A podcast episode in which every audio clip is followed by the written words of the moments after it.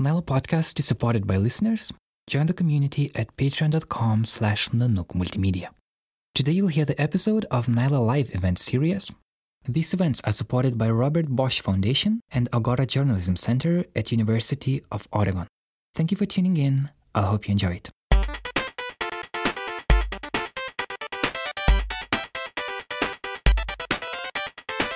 I think five, maybe six years ago, when I was telling people I'm doing cosplay, they're like, "Uh, well, I don't understand why. But after when I say that I can sell it for this and that, people interest, instantly got like, oh, you, oh, there's money in this. oh, that's so interesting. You know, the superhero story is three, 4,000 years old, 5,000 years old. Superman is just the same as, you know, as, as Siddhartha, as, as Moses, as Jesus, as Harry Potter. It's all the same story.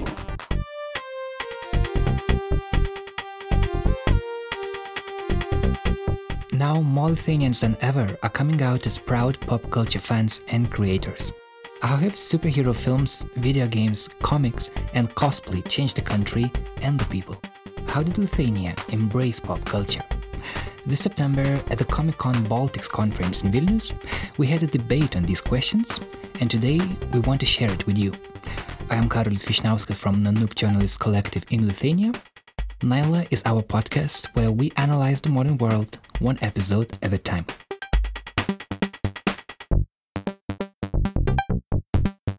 Today I'm joined by my colleague Karolis Pilypas Liutkevičius. Hi Karolis. Hi, Karolis. Nice to be here.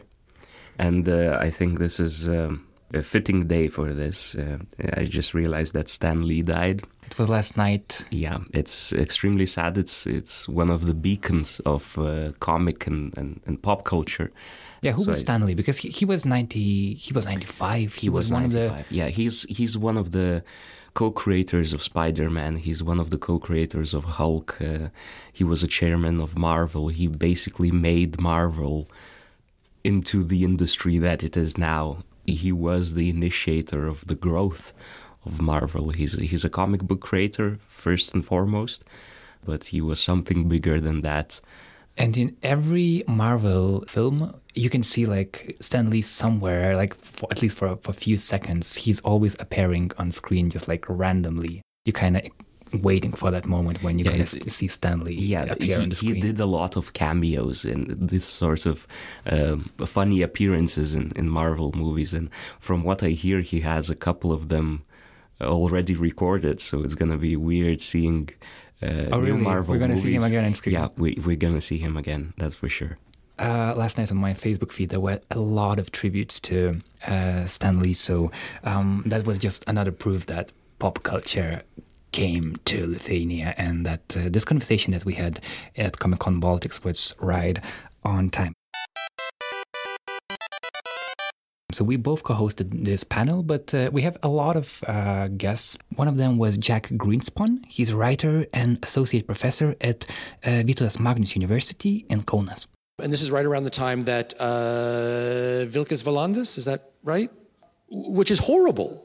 And yet it sold, you know, it sold very well because people are desperate for Lithuanian content, even even if it's bad even Right. if it's bad even if it's bad. it. Also, Yeva Pikutita joined us. You might have known her as a guest in our previous podcast where we discussed sexism in the video game industry. Uh, She's a video game designer at Nord Current, one of the biggest video game creators in the region.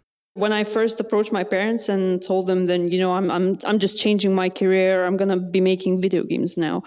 They were like, "What? We thought you were going to the European Parliament to translate." And I'm like, "Nope.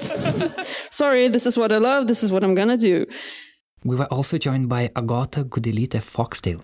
She's a cosplayer and the winner at London Super Comic Con. And that's what, what I like about this culture because it's kind of more equal than the usual my daily life. Because when I come to a hardware store to buy tools, I sometimes get made fun of even because I'm small little girl who knows more than the guy on the counter. Among our guests were Agne Yushkenita. She's a YouTuber here in Lithuania and she's one of the most vocal voices when it comes to geek culture. She calls her job as a creator of geek propaganda, and she's proud of being a propagandist of geek culture. People usually think it's childish to, you know, collect figurines like Funko Pops or a replica, something like that. Like you have a Son Goku on your table. Why? And we have a couple of special guests, Lesia Parker and Yekaterina Krasner. They're the directors of Magic First, a film by J.K. Rowling fans and for J.K. Rowling fans. And both of them are here from Moscow we were making like podcasts uh, uh, about uh, geek stuff in Russia and on YouTube. And at some point, my mom was asking me a question like, "Really, what do you do? Are your friends like, do you, I don't know, sell drugs to each other or something like this?" it was really, really. What is Comic Con for those who are not aware of this whole phenomenon? Well, Comic Con is a conference for comic books.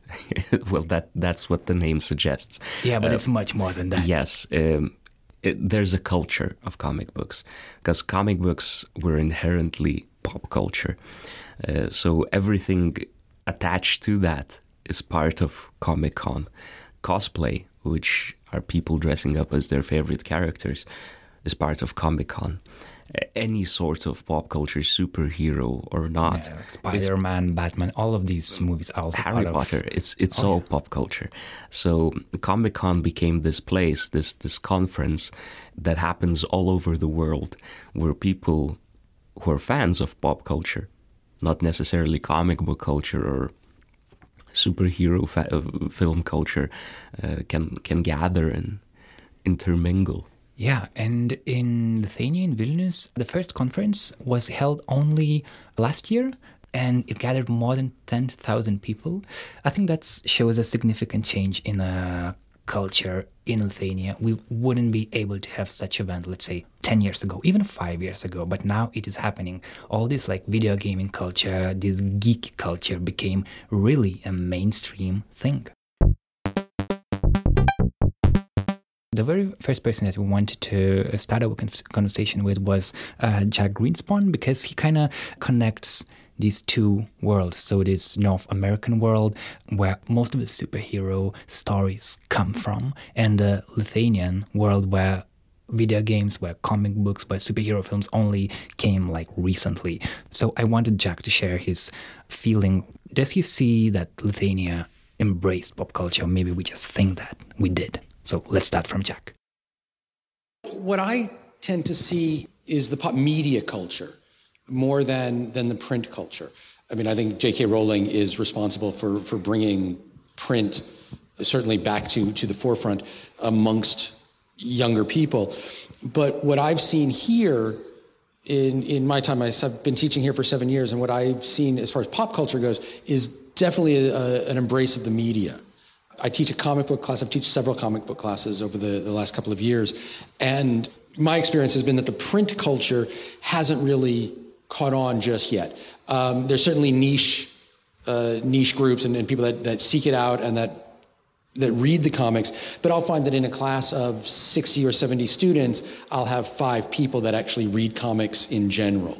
But all of them know the characters either through osmosis that the, they just have permeated the the pop culture uh, milieu. You go into. I mean, I, I, wore this shirt specifically because I bought this at Maxima, and yet I, I, bought it in the discount rack. Can, can, you, can, you tell what it is for those people who oh, cannot see? it's, it's the thing from the Fantastic Four. So you, you can buy it in Maxima now. I bought it in. I actually bought three shirts in Maxima. I bought the Thing, I bought Wolverine, and uh, and the Invisible Girl for my wife. Yeah, Maxima um, is the biggest shopping center like in, in Lithuania. It's like Walmart, it's uh, or Target, and so the you know, and you can get uh, now with the back to school stuff just happening, you could get all sorts of Avengers uh, pencil cases and and Spider Man backpacks. And so the merchandising and the media, I think, is is absolutely taking over. I think that we're still seeing a little bit of a lag when it comes to actually finding the source materials, going back and, and actually reading the, the comic books and finding where those sources are coming from. I don't think that we've, we've quite gotten there yet. Hopefully soon. Recently, I did an interview with this person who's from Mexico. Right. Uh, and the person is living in Lithuania right now for a couple of years. And when, when we talked about pop culture, The person reacted almost immediately that it's a global thing. It's the same thing. Everyone watches Game of Thrones, everyone's playing the same games. Is it kind of globalist in a sense, or is, is there some individuality in between places, and do we need to preserve that individuality? I, I think there is, personally, I think there is, but I think what's happened uh, culturally, I mean, the, the largest export from the United States is culture right? We don't manufacture anything in the US, we export culture, and we do it well. It goes back all the way to, to assimilation, and we can get it into it with, with comics, certainly get into it with movies. Um, is the fact that you've got a lot of Eastern European immigrants coming over in the teens in the 20s, 30s, even before that, primarily Jewish, both in comics and in, in film uh, and media and are creating the idea of the American dream. And they do it so well that it's become the standard, I, I think. It's become the standard view of what we see. Um, I teach a lot of, of things like story structures, and, and like Western storytelling has become the way of, of telling a story. In that sense, I think, yeah, absolutely, it's, it's, it's a global thing in between there, I do think that there is a space and there should be a space for preserving local cultures, local mythologies, local stories, legends. And I think that, that it's incredibly important to have them. The problem that I've run into here is even when you're trying to support those, the storytelling structures that have been imported and that, that exist in, in the Western storytelling world have become so natural to us and we can go back and we can we can talk about uh, you know the Campbellian hero of a thousand faces and things like that. But they've become so natural to us that when we are telling stories that don't fit into those patterns and those structures, they don't work anymore, at least in Western cultures. And so the, the problem has become that I've found is that we need to adapt. If we're going to, you know, if you're going to keep those stories alive, is you need to adapt them, uh, at least initially, into a storytelling structure that people know and understand. Otherwise, they're they're going to turn them off and go to the ones that they know, which is, you know, the superhero story is. I mean, it's it's three, four thousand years old, five thousand years old. That you know, Superman is just the same as, you know, as as Siddhartha, as as Moses, as Jesus, as Harry Potter. It's all the same story. And so, because we have that, when we have things that don't fit into that, it gets a little bit uncomfortable for the for the public to to kind of grasp it and understand it. We need to relearn that language. Yeva, could you tell more about your story? How did you uh, come from a person who likes video games to the one who creates video games, and how was the uh, how did it change from your let's say teenage years when people were maybe seeing you enjoying computer games as some kind of thing that you maybe should be should leave behind as you're growing older. And now when you actually have a career out of that and working in one of the biggest companies here in, in, in the region that makes computer games, you won in the end. But I guess the journey was uh, wasn't wasn't so easy. Could you tell more about that? Uh, oh yeah, definitely. Um, well, when I was growing up, when I was a teenager, and when I was playing like lots of computer games, as I do now too. There's always been this pressure from society, mostly from the older generation, that what are you doing? This is not a girl hobby. Why don't you just find something else to do? And I, I suppose when you grow up and you get this pressure throughout your life, you kind of come to terms with the, the fact that you know it's not a fact, but you come to terms with this assumption that it, it is not for you, and this is not what sh you should be doing. You should not be consuming this content, let alone creating this content. But because of my undying passion for video games, obviously I kind of ignored all those uh, comments and eventually, you know, when I matured, I decided that, you know, I want to make games. I want to tell my stories in games. I want to expose uh, myself to the industry and also to invite other females to also come in and, and play and create games. So it was it, it, was an easy transition once I came to terms uh, with the fact that I really want to do this for a living. So basically, you needed to break two stereotypes: a that video gaming is not for adults, and two, that video gaming is not for girls, not for women? Oh yeah, definitely. I, I I still actually am quite hesitant when I go to like these family dinners, and you know some some let's say not my closest relatives ask me what I do. I'm often very hesitant to tell them because they still think that games are just like destroying their children, and you know I'm just making the world like a worse place than it is. So I face this stigma sometimes. Uh, but when you talk to younger people, they actually are very excited to hear about all this, and they ask me, "Oh, you know, how can I make games? How do I get into the industry?" Like, they don't reject the idea of games and making games as much. Yeah, I remember when I started playing. Uh, it just sort of happened very fast, and because of the Soviet Union, we were kind of locked out of a big part of that culture.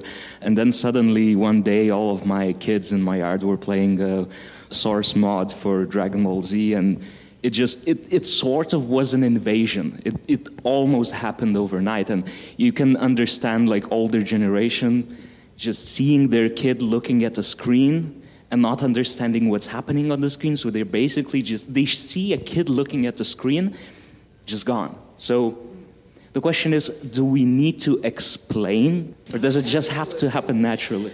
I don't think it will happen naturally because I don't. Uh, well, basically, we create mobile games, let's say, and the mobile game consumer is usually about 35 years old. So that's an adult. That's definitely an adult. But the problem is they don't actually, at least not in Lithuania, they're not very open to, for example, coming to events like Comic Con, like Game On. They bring their kids, but if you look at their faces, you can see that they're still, you know, they don't really embrace this as an actual like pop culture thing that's that just has permeated our lives and it's just a big part of it and you kind of have to deal with it. Because you know the internet opened the floodgates to all the pop culture and the games that we're exposed to every day you get so much choice. You can find something for any type of player of any age group any social background but you know you just so have to maybe the, the people from older generation maybe they don't see how computer games video games can be beneficial to them because you're saying that oh this is our thing and you won't understand it so of course you won't like you you won't get them on their on, on your side but uh, there are those benefits. Maybe you can t- tell more about how. Uh, maybe that's one of the ways to approach your uh, grandmother about computer games. That it mm-hmm. can be that she can play them as well. Well, I believe the benefits are very personal. Um, usually, when people try to talk up computer games, they talk about educational value, uh, reflexes, but actually, games are more, so much more than that. For example, I can tell from my own personal experience as a teenager, I experienced a lot of anxiety. I was very confused about my identity, and it was video games that actually helped me go through that period it was sort of like my psychologist, you know, psychiatrist, and I was immersed in those worlds, and I found myself there, and I could be whoever I wanted to be, and I came to terms with a lot of things. But overall, games are just fun. And you know, we, we, for some reason we stop playing games when we become adults because we think that oh, you know, I shouldn't be doing that. I should be like you know, going drinking wine with my buddies. Yeah, that is also fun. Drinking and wine is fun. Yeah, exactly. But uh, the problem is we should not stop playing and games are essentially just fun you just have to open your mind to it and there's definitely something for you it's not all about violence you can find something Agnes, you want something to something to add? Maybe. Uh, talking about uh, being an adult and not playing anymore, I uh, found that about collecting comic stuff, collecting comic books, reading comic books, something like that. Because I myself, I'm a collector for all my life, like uh, almost almost 30 years, and uh, people usually think it's childish to you know collect figurines like Funko Pops or replica, something like that. Like you have a Son on your table. Why? Why do you have something like that? It's, it costs you like half of your payment for a month, you know, and, and it's just a figurine. So, yeah, I think honestly that when I found, and I heard a lot of people who are collectors obviously uh, saying that, when I found something really beautiful and, and really, uh, well, tira, how, how's that in uh, English? Pure. Pure, thank you. That's not a word for me, you know. uh, so, yeah, something really beautiful and pure in my childhood, and that was actually comics, comic books. I read comic books since 93. So that was almost all my life. And um that was something really, really honest and beautiful for me. So when I grow up, I have money. I work for that, yeah. I want to keep that only beautiful thing in my life, as poor as nothing else in my life is right now. And I keep the figurines, the memories, the aesthetics I am used to in my childhood. I think the video games are almost the same at this point of view. Agni, you have a YouTube blog. The YouTube thing is growing so fast, and we see that everyone is saying that I'm not watching TV anymore, and that is true. But they are watching YouTube. They spend a lot of their time watching YouTube. How do you think explosion of like YouTube, the growing of YouTube, helped Lithuania to get more into the whole pop culture thing? Because I think that's it. Really, it's it's all connected. Well, YouTube or the internet, I think it's almost the same. Of course, YouTube is the second uh, most uh, visited, most popular site in the in the internet, but I would say the internet helped us to you know see stuff and and uh, embrace the culture. I wouldn't say everybody uses that to embrace the culture. I myself use a lot less internet than I should to know stuff about uh, geek culture, or to search for sources about characters, about comics, about culture. I am for some reason looking for, for the information in Lithuania, in geek shops, in comic book shops, in something like that. So I think we have the ability, we have the, the we have open doors to use internet and YouTube and other vloggers who, well, internationally there are a lot of comic book bloggers, a lot of geek culture bloggers. In Lithuania, you are only one doing that. I think. At the moment, yeah, I'm the only one. And how are the numbers? Are they growing? Do you get more and more people watching your videos? That is very interesting, actually. We talked with a geek shop owner uh, today about that. About uh, he asked me about video games, like how are video games in your channel selling, you know, statistically and as a marketing. Like, uh, do people buy the products you show, the games you play?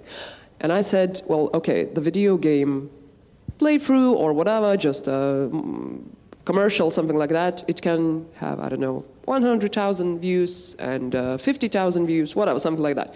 But one person will buy a game out of these people because they're children. They don't have the money. They, wa- they watch, of course they watch because they're children. But uh, when I make a geek video, I made a, recently made a, uh 13 parts of Batman Long Halloween review. 13 reviews about each part of Batman Long Halloween.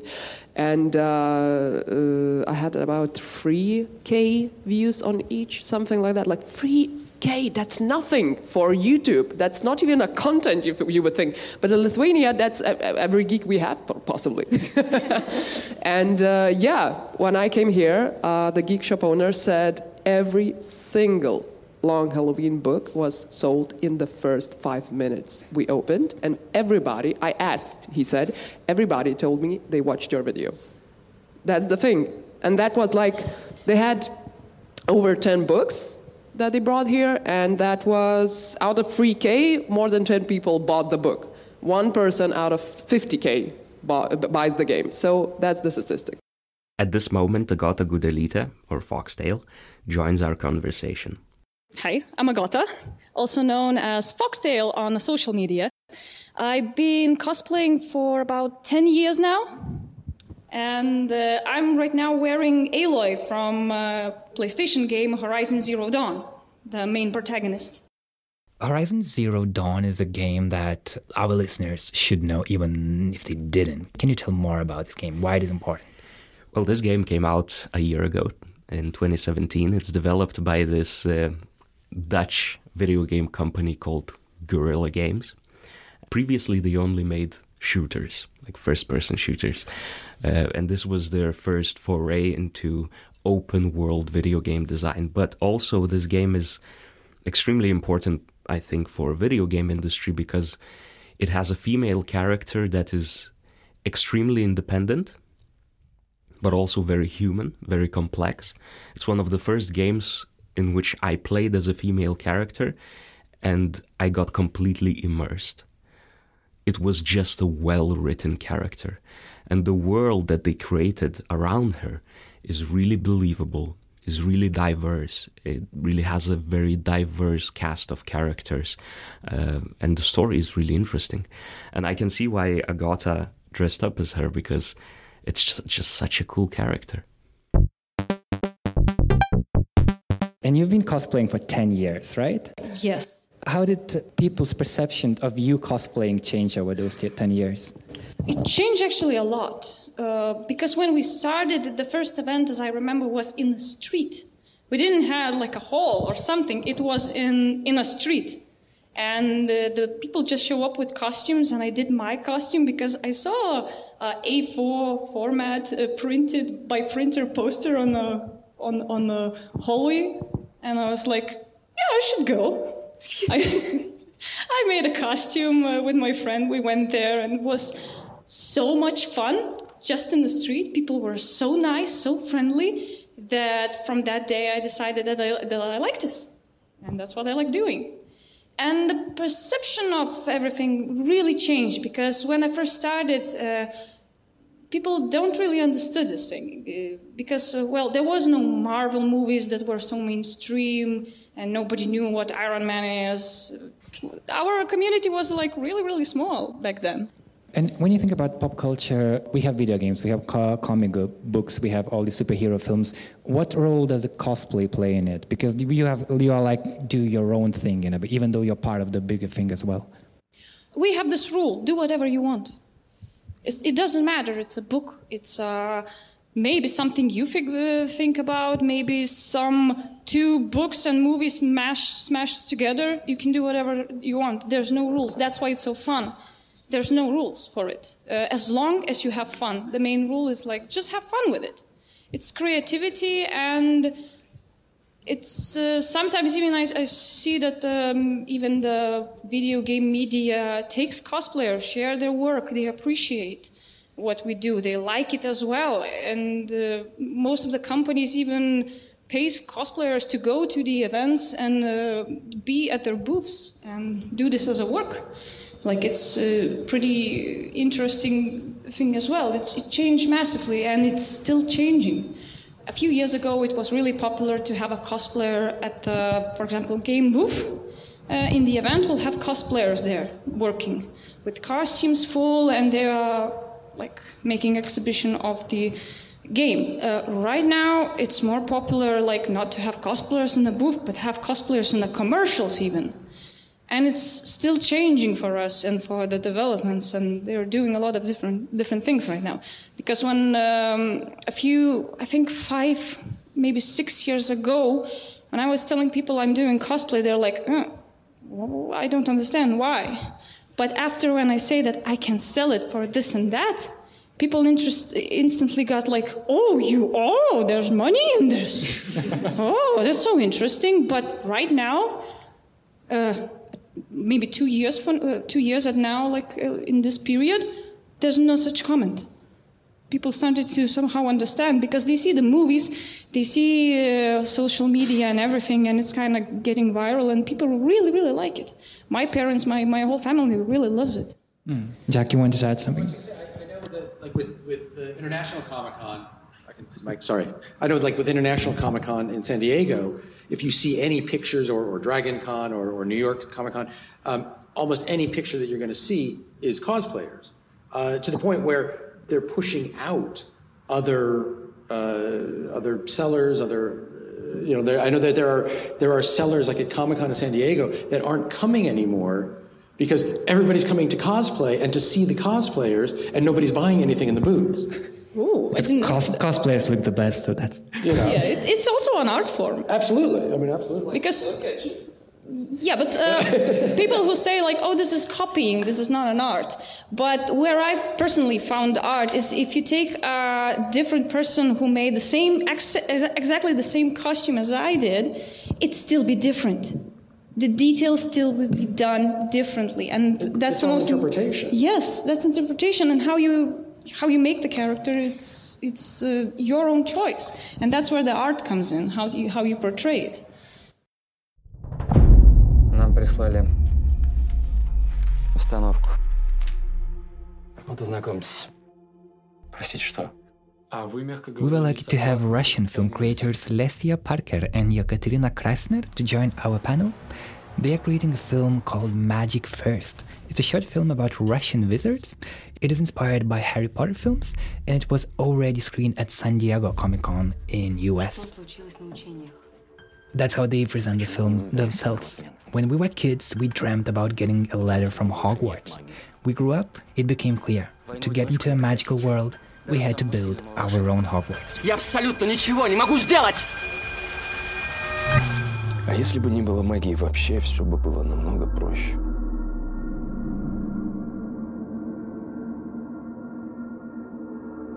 Мы уже решаем эту проблему. И пока мы ее решаем, вы никому ничего не скажете.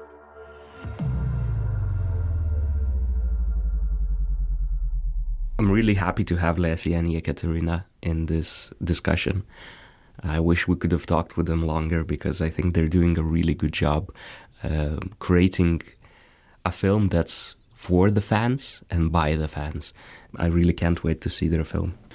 And uh, I also wanted to include a political conversation because when it comes to politics in Russia, some politicians tend to have this anti American sentiment. And because most of the pop culture that we were talking about are made in, in the Western world, in, in US or in the UK, that maybe can create some kind of confusion that at least in politicians' heads. But I wonder whether pop culture creators see Western culture as part of their culture, even though they're living in Russia. Or should, should we do the separation between politics and uh, pop culture? That's what I wanted to ask them. And this is Lesia talking.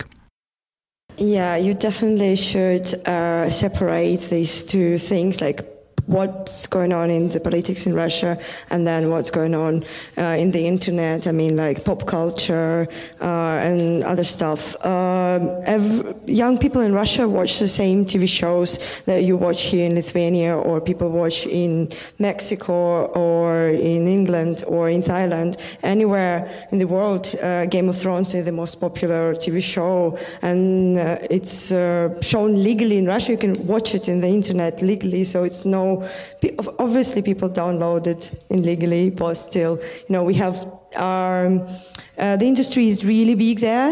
Um, and um, when we were growing up, uh, there were no many events. We didn't have any events in Moscow or in St. Petersburg, uh, only uh, events made by fans, like you said, uh, on the streets or somebody were renting uh, a school hall, you know, and then trying to make a cosplay there or a cosplay show and talk about comics or Harry Potter or something like this.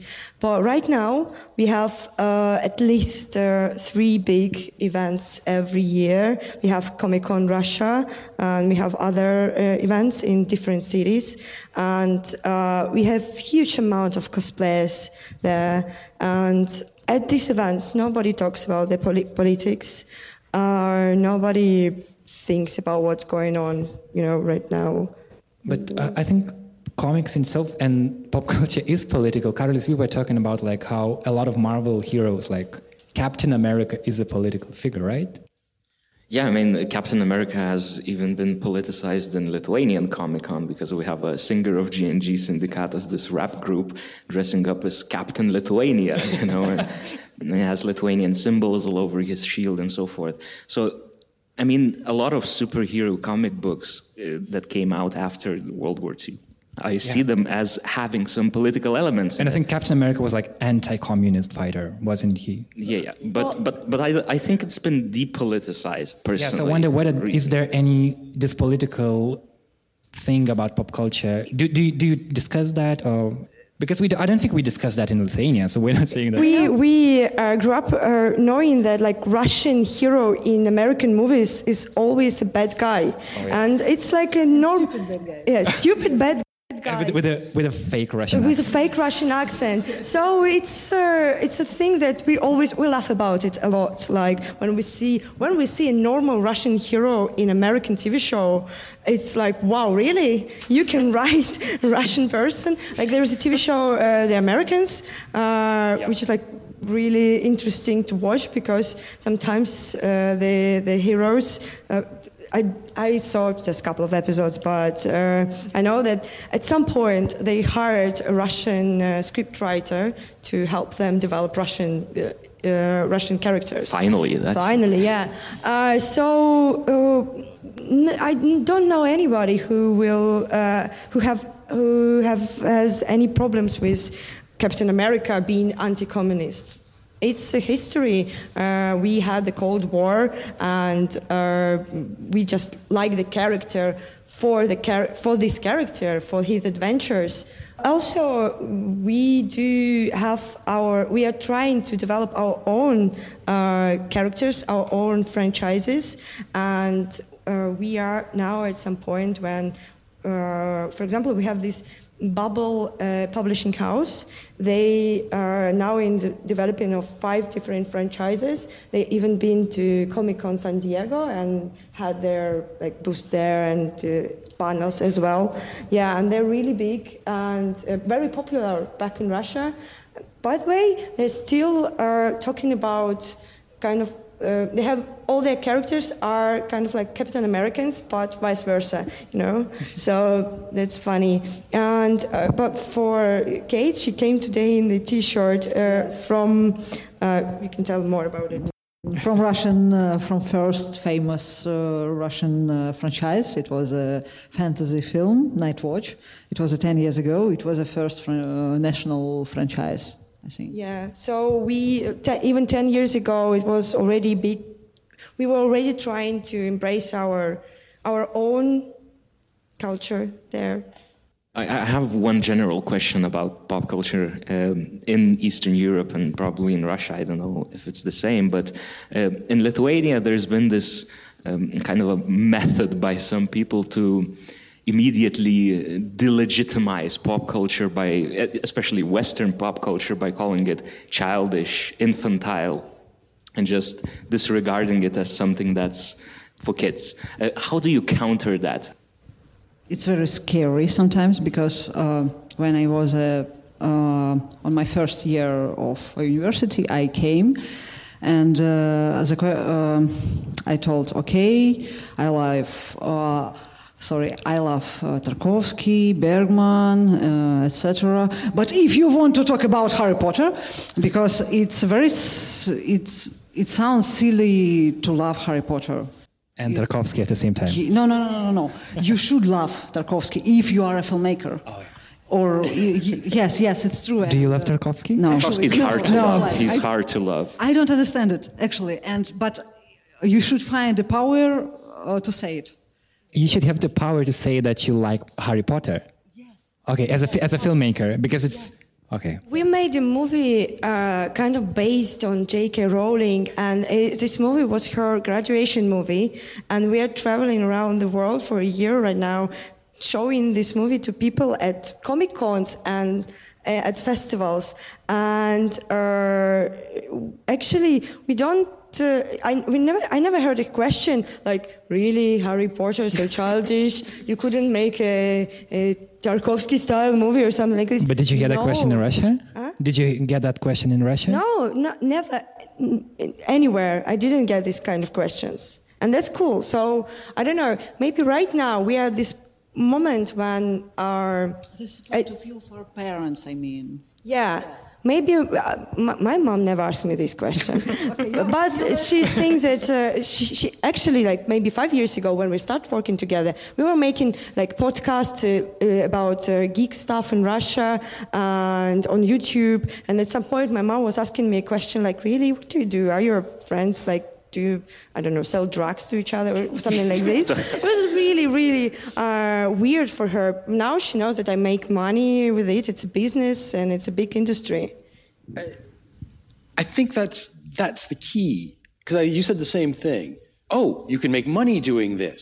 You can make money doing video games. I know for my parents. I mean, my my mom. I, I'm going to be a writer. Ah, you can do anything you can make money at, right? As soon as you make money, it's legitimate.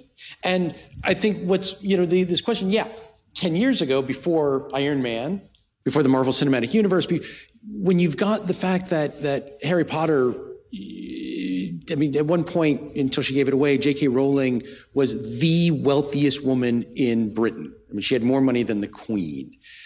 And then she gave it away. And she, she, she fell off of the billionaire list because she donated to charity.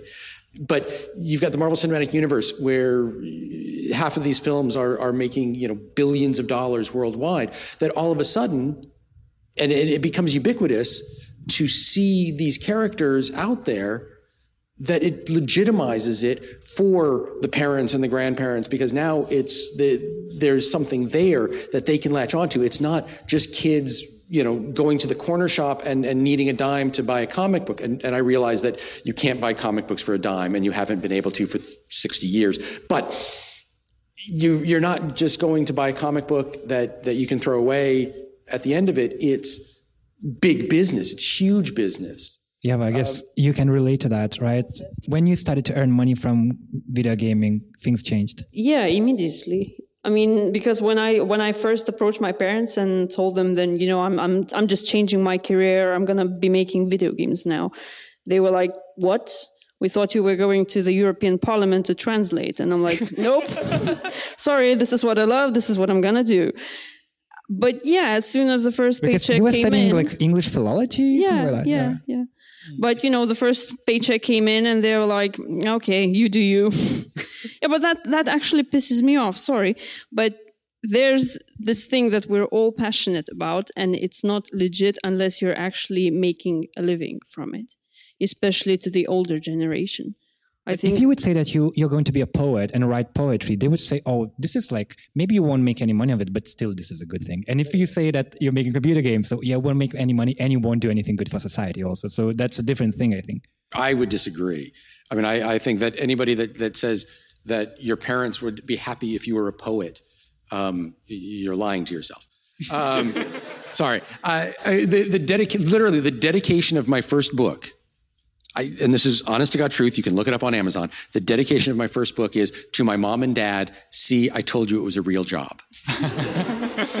um, so it's absolutely um, you know that that's once it because finance is, is what what legitimizes anything. I mean that's the capitalist society, um, and that's where the American bullshit comes in. Sorry. Um, just beep that. Uh, right? Is, is that we, you know, not only are we promoting this culture, but most of the culture that we are exporting supports that capitalist idea, which is it doesn't matter what you do as long as you can support yourself by doing it. And so doing something just for the love of it doesn't doesn't mean anything. I've got I've got a friend who is a poet.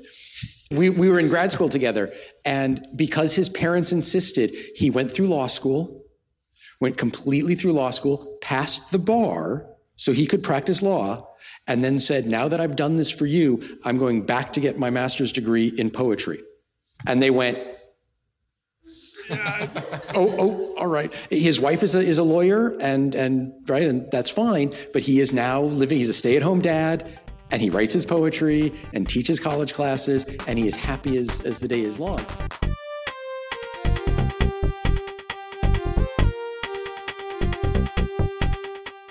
Thanks to our longtime supporters who help to keep the podcast going. It's MailerLite, the email marketing company. We ourselves use it for our newsletters. It's very fast and simple, and if you don't trust our word on that, you can count on more than 500,000 organizations around the globe who also use the service. MailerLite is also based here in Vilnius, Lithuania. Another supporter of the podcast is Benedictus Gilis Foundation. Established in 2013, it promotes projects focused on entrepreneurship, science, tolerance, and creativity. Glad to know that Nyla Podcast is one of those projects. Back to the Comic Con, now's the time for the questions from the audience.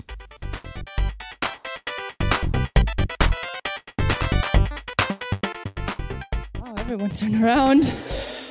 okay.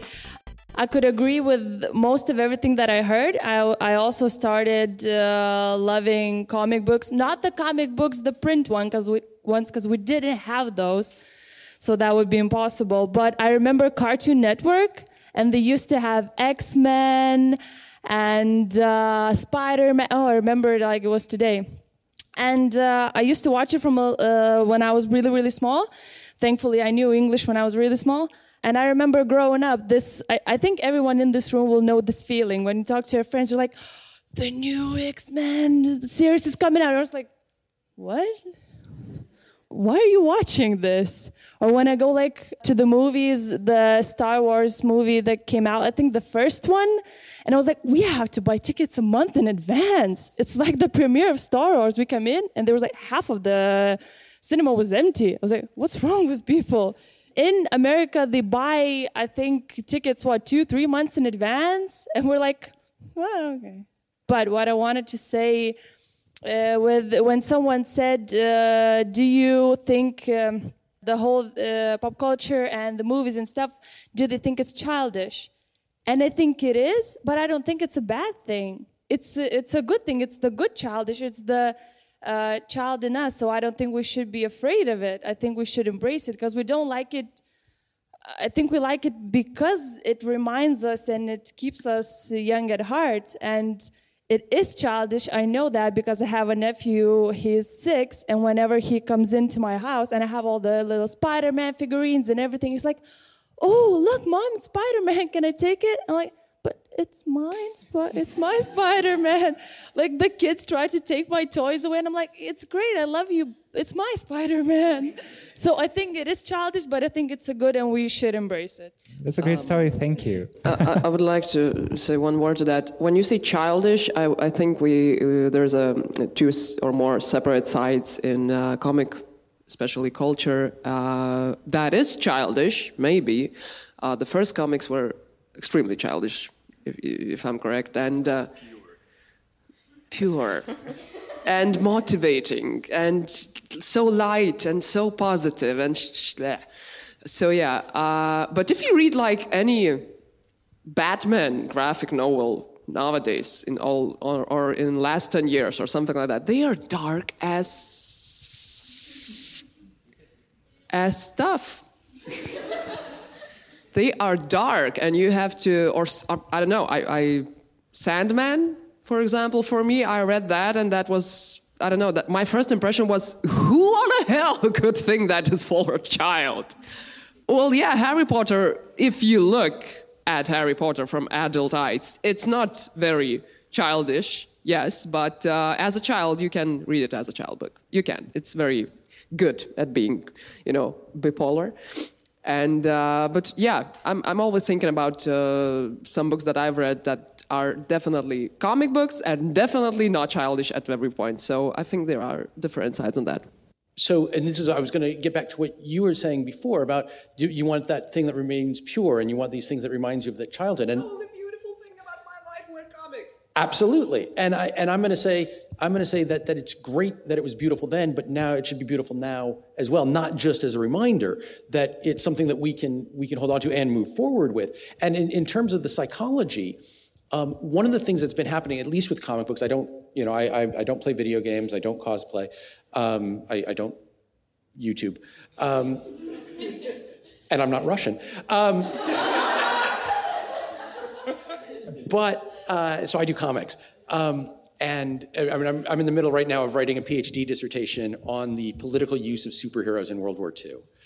Uh, which, if you want to talk, we can talk for hours.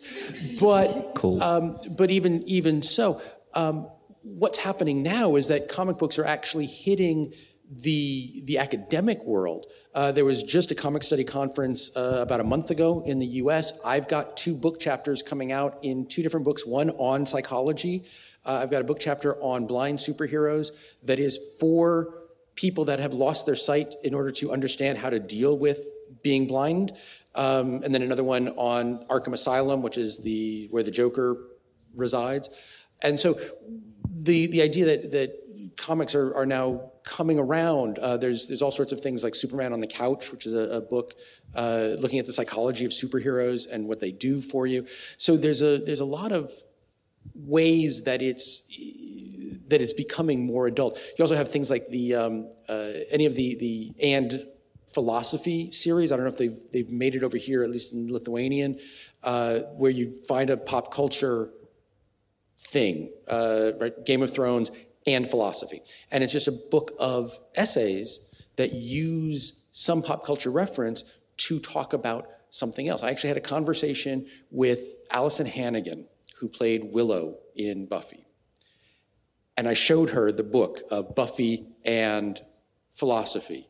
And she's looking through it and she's like, I remember filming that scene, and what this guy is talking about is not what I was thinking at all. And then, and then she said, and I will never forget that she said, I, I, I need this book so I can show my mom I was doing something important. And so that's it. Is that you know we we you know yes, it's, I think it's absolutely the, the the monetization, but it's also the fact that this idea of psychology, the idea that we've gotten to the point where it is becoming less childish or less, you know, that, that it's, we're allowing ourselves to move forward with it. And the, the idea that, that being criticized for being immature, I, I, I think is, is might be a, an argumentative question. I don't, I don't necessarily think that it does, you know, I mean, I think there might be a period in your life when it does exist, you know, like right after you get out of university you decide that you're going to go play video games for a living, and your parents might go, Well, we just sent you to university for four years. Seriously? But after that, I think, you know, once you can show that there is a, a purpose behind it, that it's not just you sitting around playing video games, that I think it, they'll, they'll change. But that's just me. Okay, so what is that purpose? Because we kind of take pop culture as a good thing we just don't even question that in, in this talk. And I think maybe we should, because pop culture also embraces a lot of stereotypes in terms of how men are presented, in terms of how women are presented, and uh, in terms of how capitalist system is presented. All these things are embraced also in that culture itself. And maybe, isn't it like that we're going to take that thing because it gives us entertainment, but we also give all this worldview that is sometimes not that good for society. So uh, I see a problem here, and I wonder what you think about it, all, all of you. Yeah. Well, I can mostly talk about video games, I guess. But um, I, first of all, I believe that you cannot strip a piece of whatever fiction, if it's a movie, if it's a comic book, if it's a video game, you cannot take out all the political, all the social context out of it. It will, in some way, reflect the people that have created that content, their artistic vision, the world views that they have. So you cannot necessarily say that, oh, we can create neutral content that will just be entertaining and will not have any implicit meaning behind it. Um, so, for example, in the video game industry, uh, things are changing in a very positive way and very quickly uh, in the last few years. But before it was notorious of representing, let's say, only male protagonists uh, Western values, everything that has to do with, well, basically American culture, but even like hyperbolized to a certain extent. Now it's better, and we're seeing more stories from different people. So this is exactly why we're bringing up these issues, not to, you know, get approval from the people that this is something that, you know, approve us, approve of what we do, but we want to, let's say, enlighten other people that they can come in into these uh, cultures and they can tell their stories and they can increase the representation and at the same time you know everyone can benefit from it I want to say the same thing about video games. Uh, as a player of video games, I'm much more appreciating right now what is happening with video games because I see more female protagonists. For example, Aloy in the game, she's a main character and she's amazing. And her story is written really well, and she's not someone who's waiting to be rescued. She's like, yeah, I can do this. And, and she's like tough and i see much more. But i'm mostly uh, happy because there's um, the limit between uh, people are not uh, mad at this because some companies like uh, they make a game with a female uh, main female uh, protagonist and they're kind of like from reviews and everything before the game comes out they're kind of scared as i read that oh it's a female maybe people are telling something but nobody cares anymore and that's kind of amazing. Like no nobody really cares if it's a female it's a male uh, like that's where i like it. Uh, for example a really good game which i enjoyed really really much is a witcher that uh, was made by a Witcher books. And yes you play with uh, the Geralt the main character but all the women in in that game they're amazingly written and they're so smart and so amazing. And that's what what i like about this culture because it's kind of more equal than the usual my daily life. Because when i come to a hardware store to buy tools because i use them i sometimes get made fun of even uh, because i'm small little girl who knows more than the guy on the counter. So yeah but mostly why I why I personally embrace the culture is uh, the bubble that explodes when people come to Comic Con, for example, because when so many people are in a place with the same interests, uh, there's kind of, you're not, even when you come to the event alone, you still find someone to talk to. For example, if you're standing in a line and in front of you is a guy with a Doctor Who t shirt, you know you can talk to him and say, like, hey, I like your shirt, I like the show. And you find yourself talking with a guy for 30 minutes, and it's fun and especially when you're you're in costume there's that the bubble that we have in the streets of communication is just gone and that's why i enjoy it so much because people come to me they talk to me they take pictures of me and i talk to them and it's so much fun. Even though you're the same person you're just wearing different clothes. Yeah I remember when I first saw Shadow of the Colossus on PlayStation 2, and when I first got introduced into that. I hope game. you guys know what it is because Yeah. I don't know what it is. Um, That's when I started cheering for video games as a medium. Okay, I cheered when on Metacritic video games appeared next to movies and TV shows. I was really happy for every single, you know, equalization of the medium to other mediums. And do you feel? And that's a question both for Agata and and. Um, Oh my God, I forgot your name. yeah, yes. um, do you feel that video games as a medium is every bit um in Lithuania is every bit as equal as TV shows, movies, music? Uh, do you mean that do people take video games as seriously as From they do? from your experience, from your I, social. I. I actually think that they do now. As a cultural phenomenon, because basically because of the internet, it's it has a lot of exposure right now. We people watch, you know, streamers. Esports is getting traction. Uh, like I said, there's so much exposure to games. I, I'm not even. I'm not sure what's the take on piracy right now. I think Lithuania is still quite notorious with piracy and downloading games. Yeah, but, But I mean, we have but to understand getting that like. Game of Thrones wouldn't happen in Lithuania without illegal downloading. Definitely not. But you know, uh, you gotta give it to piracy. If it wasn't for piracy, you know, Lithuanian game industry probably would not exist, and people would not have played the games and would not have fallen in love with those games, which eventually made them game developers. I think when it comes to like as it as um, important as a TV show, for example, for my friends, for my community, uh, there's uh, people who still play StarCraft first, and they're sharing the story. And StarCraft uh, was one of the first bigger games uh, as a kid that I had, like the more uh, serious one, and I love that game, and I still uh, interact with uh, all the, the, the, the things they make about the StarCraft. It's still interesting. The, the, the characters they're still interesting. And I will I'm gonna go back to the something that's mainstream right now. It's a Witcher. Uh, there's a books and there's a video game now. Netflix are making a TV show, and there's a, a lot of cosplayers of that. And people read books, they play video games. It's everybody's waiting for the show. It's like really people are really into it as much as in Game of Thrones. You can meet some some people who can talk about their favorite video game for hours if they want to, and that's kind of like the same thing. And they play it like more and more and more times. Not it's not uh, becoming like oh I'll play it one time. For example, I I, I passed uh, through all Horizon, but I know that I didn't finish some things and I need to go back to it. And in, in, in, in, in order to do that, I have to play again some parts, and I'm okay with that because it's interesting. I know that. The question that I want to end our discussion is about again about this cultural balance between what we have our own local culture and global culture, which mostly means American culture.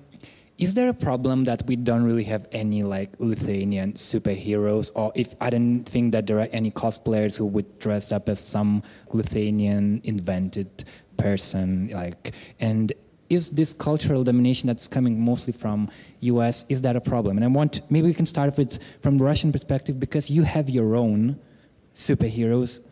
Russian directors russian cinema world is trying to invent them. How are they doing? Do people like them? Do people need them? Yeah, I think uh, we actually really uh, there is there was a big movie uh, about superheroes called kind of like Russian Avengers released two years ago, and uh, and it was really unsuccessful. Uh, everybody hated it. Not just because, why? I mean, not just because it wasn't that good, but uh, people just don't appreciate something Russian made yet. And I think that's a problem. But no, I mean, like inside the Russia, people don't want something uh, Russian made because they think that it's going to be bad.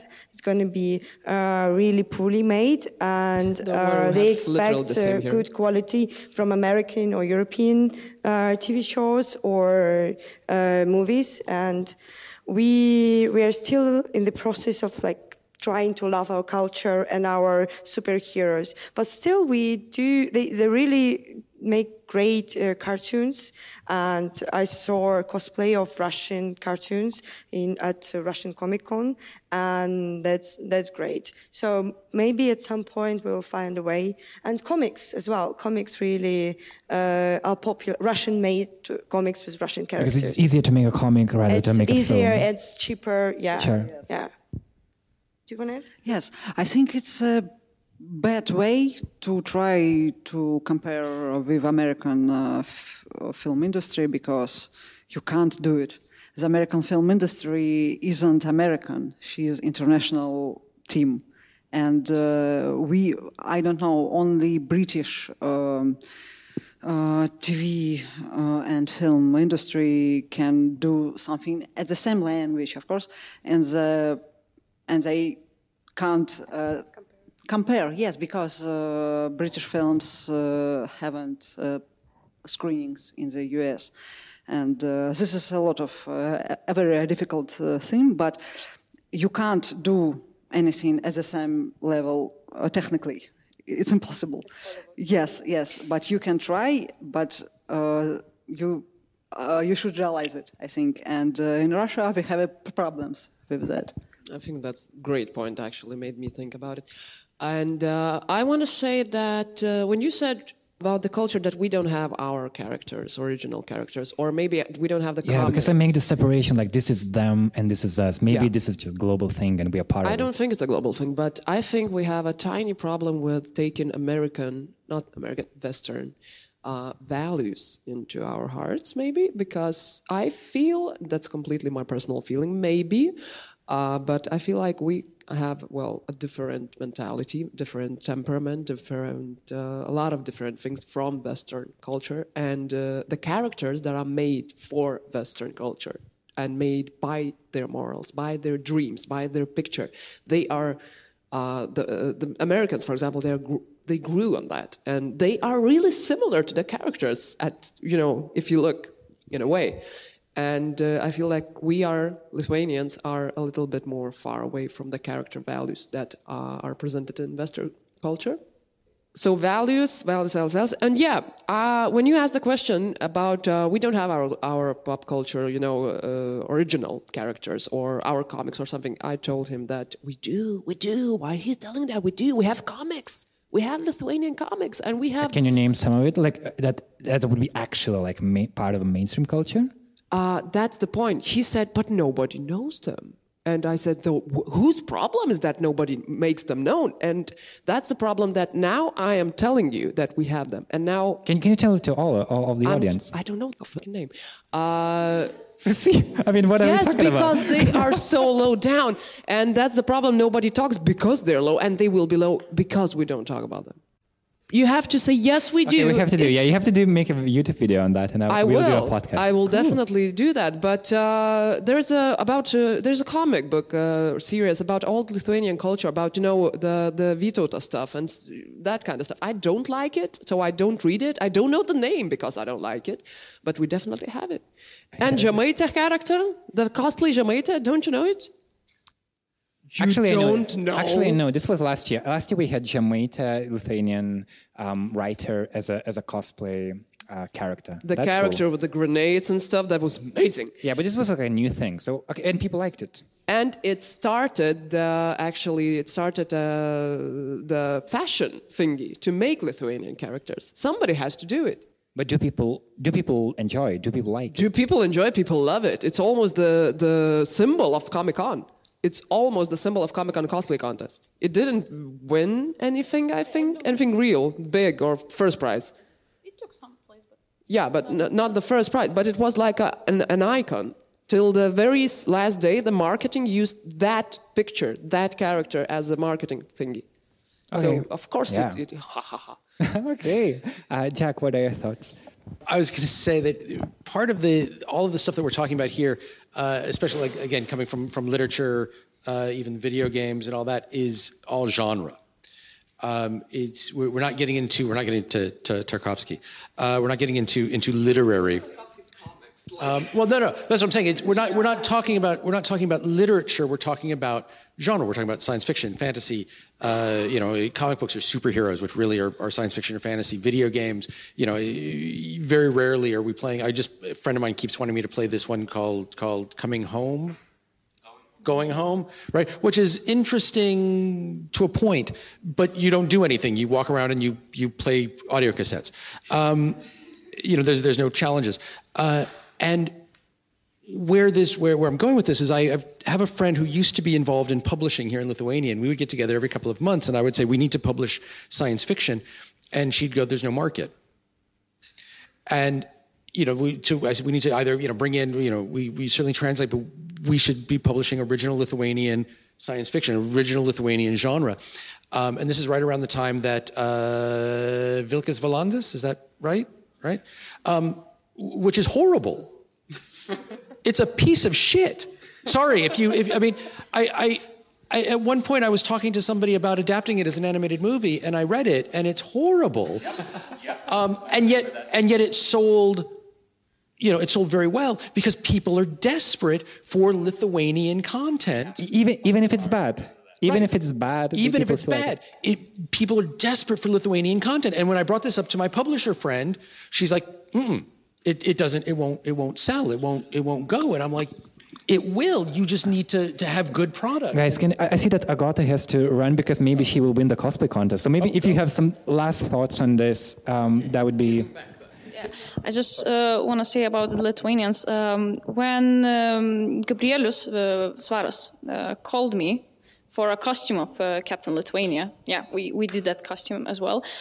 I was kind of shocked, like that. That's okay, but when he put it on and when he went into the people, when we put him put it on the costume, everyone was so amazed as well at the same it was last year's comic con we did it for the last year's comic con everybody loved it and the, the strangest thing is uh, people from my, my friends cosplayers from poland and england they, they write to me on my instagram like what the hell is with that i Because, don't understand because the guy looks like Captain America, but only yeah, with like, Lithuanian what- Why colors. everybody is taking photos of me? What, what? And I was like, yeah, first of all, that's Captain Lithuania. And when I explain them how this costume works, they kind of love it. Everybody loves it. And taking that to our part, um, everything is, I think it's really nice because what we have uh, as Lithuanians, we kind of, we have those heroes. For example, I was thinking about maybe I should do something like Emilija Pliaterytė.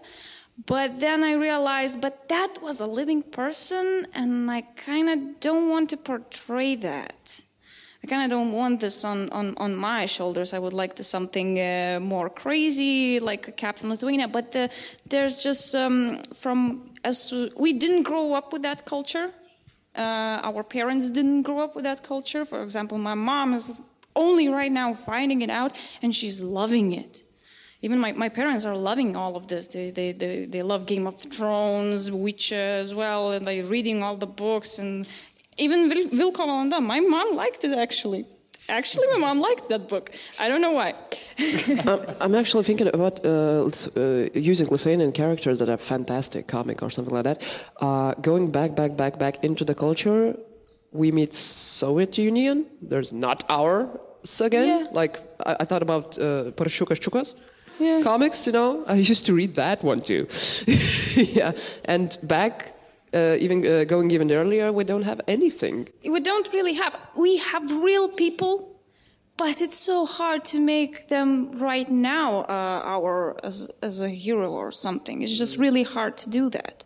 And Žemaitė, it was uh, the Oh, it was a lot animated character. no, know, it was year. from a book. And it was kind of animated. It was it was animated and it was from a book, Vilko Valanda. It was because it was an illustration. But still, is an actual person, an actual writer who lived. So the problem is that we just don't have fictional characters in our culture that we can. You can, for example, you can make a costume of. Yeah, That's why, and and to make a costume out of actual person, that's a different thing. That's a different thing, unless it's like uh, something funny in the social media right now, as people do. A like, meme, yeah. yeah, it's a meme or something. Then it's cool. But making something like real, you won't see it that often. It's just really, really hard. Okay. Thank you, Agata, and thank you for joining. Do you need to run now? Yeah. Okay. We need to finish. Yeah, we need to finish. Oh, thank you. Yeah. So just last thoughts. Uh, I think Agne. Um, you, you, no one has anything to add. No. It's time. No, but you talk about. She's got a question. Sure. So it seems if there's no characters, then it's a problem with script writers. Yeah. Is it? Well, Um, there's definitely a problem that we don't have anyone to write believable characters who are fictional but who embody values that will sell not only in Lithuania but also abroad. Uh, so, for example, you, I can take the same Witcher that was mentioned, the video game Witcher. They used a lot of Slavish folklore in the game, but it, it was used very cleverly, so it, it enriched the game it was very appealing to even audiences who don't know anything about Slavic culture, and it sold really well. So what you really need is just you know people willing to write good characters and willing to you know sell them to different markets. I just wanted to say that I think if anybody created a, game series similar to Witcher, like with a uh, well similar genre, uh, about uh, times, where the random lonesome, you know, lonely warrior going through the adventures and sold it to the world as an indie game, you know, something like that. Oh I yeah, short story that has all sorts of myth- uh, Lithuanian mythology. I think that would go. Yeah. We have a question there. I wanted to add a little bit about your last. Uh, about the games, um, have you heard of Kingdom Come Deliverance? The one I have that not happened. played it, but Huh? I have not played it, but yes, I've heard. It. Yeah, but it uh, is about the medieval Bohemia. So it and it was a very successful game despite its genre. It's very hardcore, very lifelike to the medieval times. So I think if anyone would come up with the same idea, with the same plot of Vytautas times of uh, the places in Lithuania that happened years ago, it would be quite as interesting because there are a lot of historical events that could tie up really good with medieval type of game. Yeah, definitely. I think as Lithuanians, we often tend to like downplay and say that, oh, you know, our history or culture is not really interesting. But it's really how you deliver it in your game, in your comic, in your movie. It's all about, you know, taking structures like Jack mentioned, telling storytelling structures and game design structures that work and, you know, dressing it up in this nice Lithuanian context. Mm-hmm. Yeah, so maybe that's that can be a future of Comic Con that we'll we get more local fictional characters. Maybe we, we know we will know how to write them. We'll have workshops on that. That's that's some work to do. And uh, yeah, thank you guys. Thank you guys for coming. Agne, you can I'm have a last word. Okay, this is our. Thank you. I'm absolutely sure we should uh, make a booth next time in Comic Con and announce it half a year before and say, sell your character for free. Don't even pay us to be here. Just sell your character, your game, your comic book in Lithuanian content. I think that would happen. I should actually go to Agner shoot and tell that. Okay, that's a great idea. Thank you guys, and thanks everyone for coming. Thank Let's you. go to see who are the winners of cosplay competition.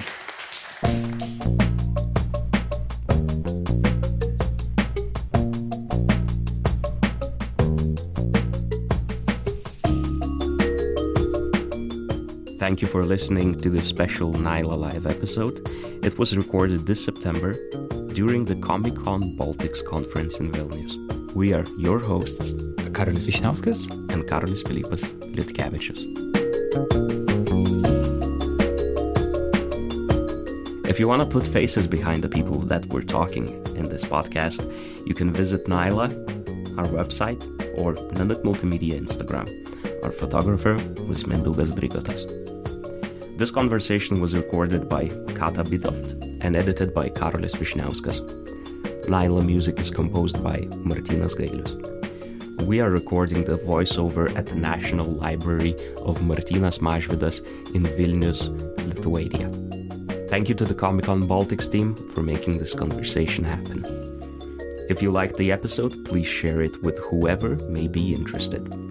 And you can also support us at patreon.com slash Nanook Multimedia. That's one word, Nanook Multimedia. This week's patrons are Laura Blašytė, Živilė Antukaitė, Vytautas Pukis, Dainius Babilas, Raimond Bogdun, and Kasparas Vasiliauskas. Thank you guys so much. You help us move forward each week. See you next Tuesday. Take care.